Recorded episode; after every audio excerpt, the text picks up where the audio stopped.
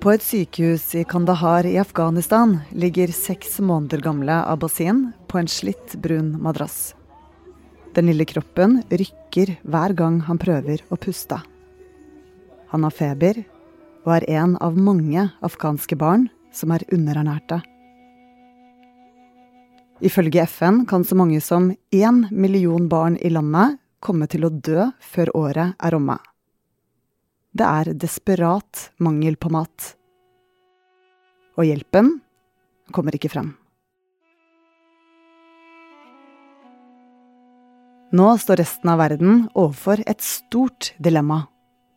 Hjelpe afghanere, eller presse Taliban ved å holde hjelpen tilbake. Du hører Forklart fra Aftenposten, og jeg heter Synne Søhol. Det er tirsdag 2. november.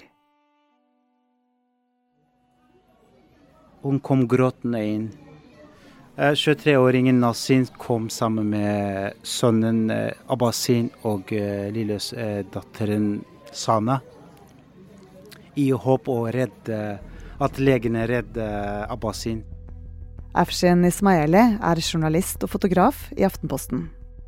For litt siden kom han hjem fra Afghanistan, hvor han besøkte Mirwais-sykehuset i byen Kandahar sør i landet.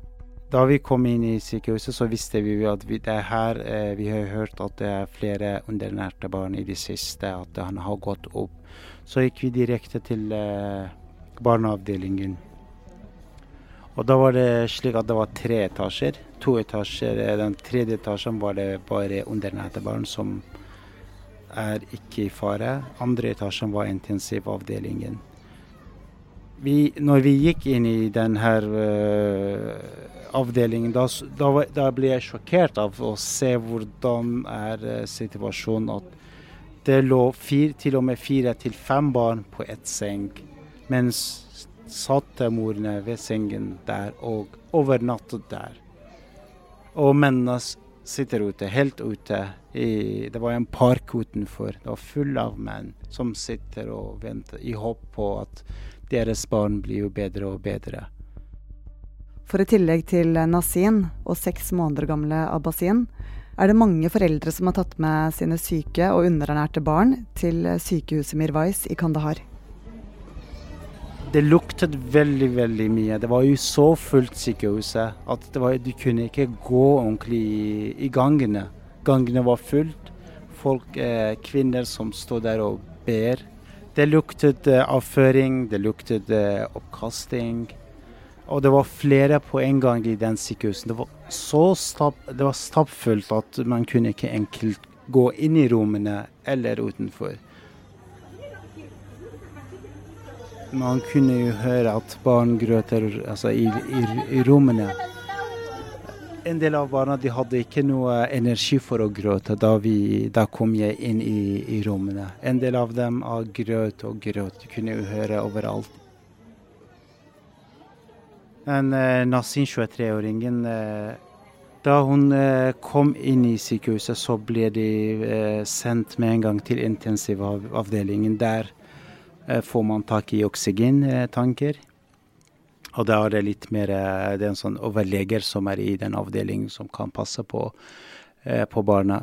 Men mange av de som er her, også foreldrene til Abbasin, kommer jo veldig sent til sykehuset. Hvorfor det? Det er slik at det er flere faktorer som spiller inn her. At de kommer jo egentlig fra Zabul. Og det viser at det er ikke så uh, mange sykehuser på Zabul-provinsen. En uh, tre-fire timers kjøring til Kandahar. Ja, så Er det fordi det er så langt til sykehuset eh, ja. for mange? En annen faktor som gjør at folk kommer ikke på sykehusene, er at uh, utdanning at de har de, de, vet ikke. De tror jo på, på de, de, har jo sånn overtro. At noen kan fikses, at uh, Gud kan hjelpe dem. Uh, utdanning at de vet ikke hvordan du skal Altså hva er det best for barna, og i tillegg er fattigdom. Vi møter jo en familie til f.eks. at de hadde ikke råd til å kjøpe billett til en til buss for å komme seg til Kandahar. Men det er mange som trenger å komme seg til sykehuset.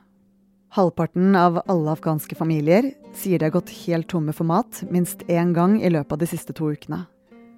Og de familiene som kommer seg til sykehuset med barna sine, kan få noen veldig tunge beskjeder. Sånn som moren til Abbasin.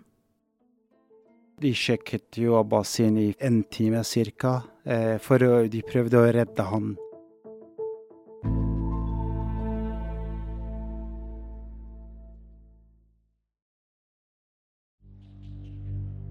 Situasjonen på sykehuset i Kandahar, der barn er innlagt fordi de er underernærte, er dessverre ikke unik i Afghanistan akkurat nå. Og ifølge Verdens matvareprogram er matvaremangelen for første gang så stor at også middelklassefamilier i de store byene rammes. Flere millioner står i fare, og nå kommer den kalde afghanske vinteren. Ifølge Midtøsten-korrespondent Hanne Christiansen er det flere grunner til at dette skjer nå. Det har vært veldig vanskelig i Afghanistan i veldig mange år. Fattigdommen har vært eh, enormt stor, eh, og særlig 2021 har vært eh, spesielt utfordrende. Fordi landet har slitt med flere ting på en gang, bl.a. ekstrem tørke og matmangel. Og koronapandemien som har rammet veldig hardt. Og da Taliban kom til makten, så frosset jo attpåtil verdens stormakter de mange milliarder kronene som Afghanistan har tilgjengelig i utlandet. Eh, og det er det mange som har reagert på, at man har valgt å stanse pengestrømmene i en allerede så ekstrem situasjon. For i august ble situasjonen vanskeligere for afghanere. Dette er en ekstrasending om den spente situasjonen i Afghanistan.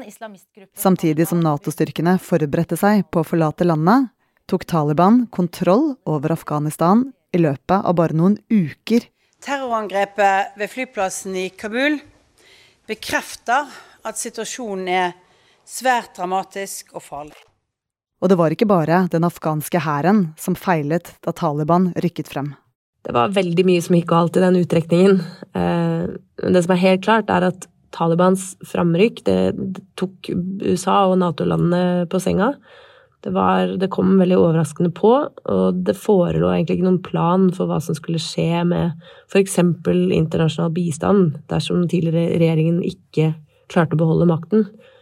Helt enkelt så endte den uttrekningen i, i kaos, og det var det siste Afghanistan trengte akkurat nå.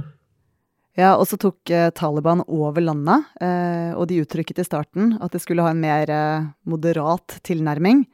Blant annet la kvinner få gå på skole, og samarbeide med det internasjonale samfunnet. Og hvordan gikk det egentlig?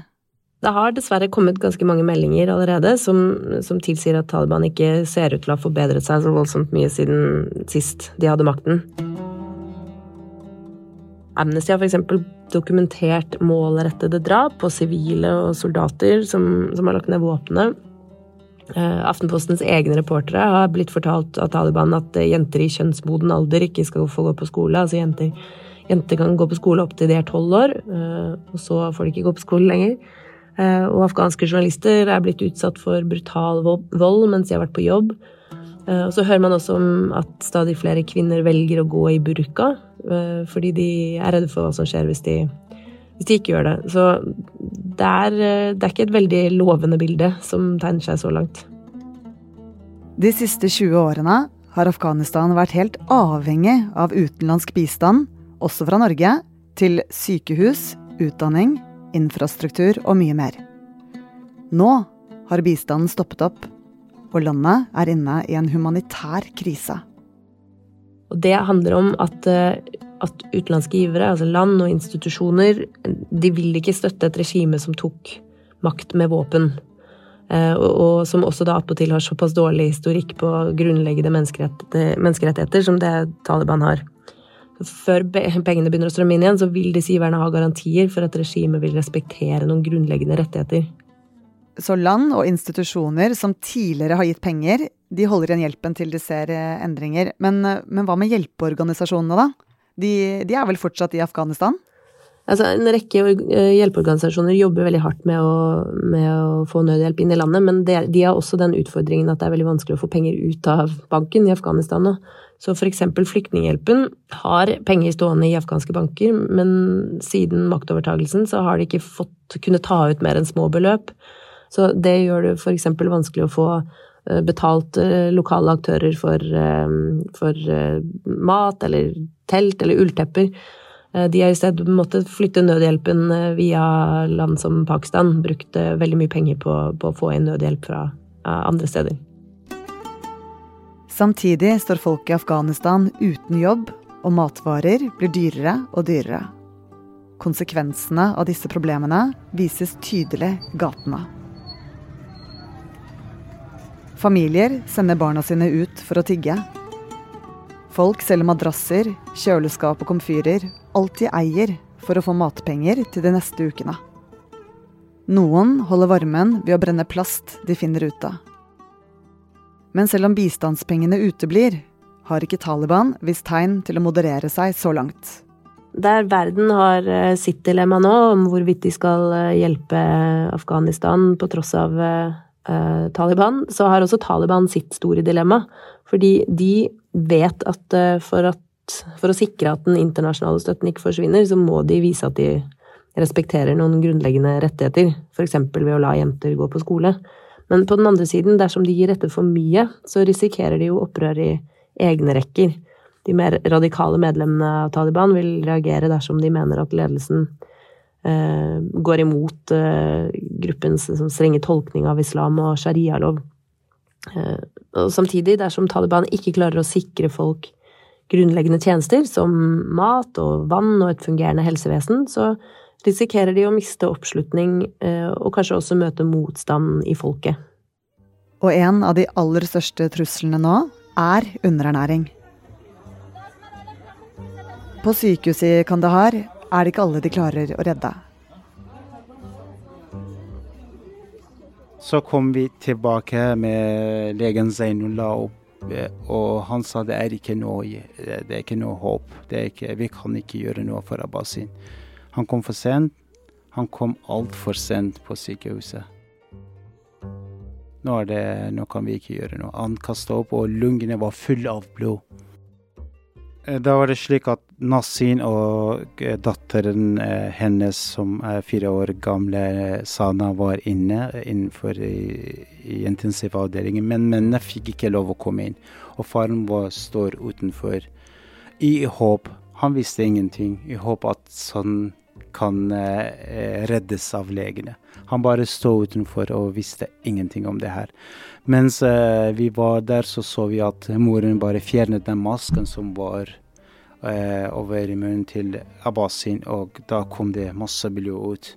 Så hun prøvde å rense munnen til sånn mens hun gråt og skrek i det rommet.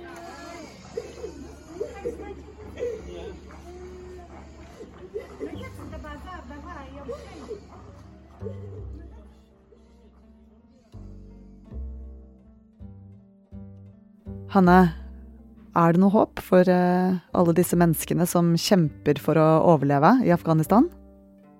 Håpet er at det er veldig mange som jobber med å finne løsninger for hvordan man kan fortsette å hjelpe afghanerne. På den ene siden så er jo uh, stormaktene, altså verdenssamfunnet, er i samtale med Taliban. Uh, Norge, Diplomater fra Norge møtte representanter fra Taliban i Doha i Qatar i forrige uke. Eh, USA og EU er i samtaler med, med, Taliban. og Også Russland har vært veldig tydelig på at uh, man må få på plass avtaler sånn at bistanden kan, uh, kan begynne å strømme igjen. Um, og så er det mange som jobber med å finne andre måter å sende penger inn i landet på uten at det går via staten. F.eks. ved å sende lønninger direkte til offentlige ansatte. Så det finnes håp, men det begynner jo virkelig å haste for, uh, for de stakkars menneskene som lever i Afghanistan.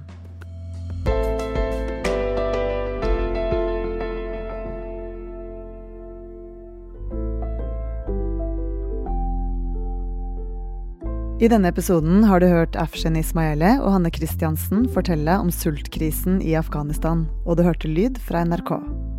Det er David Vekone, Anne Lindholm, Thea Wold Lyster og jeg, Synne Søhol, som har laget denne episoden.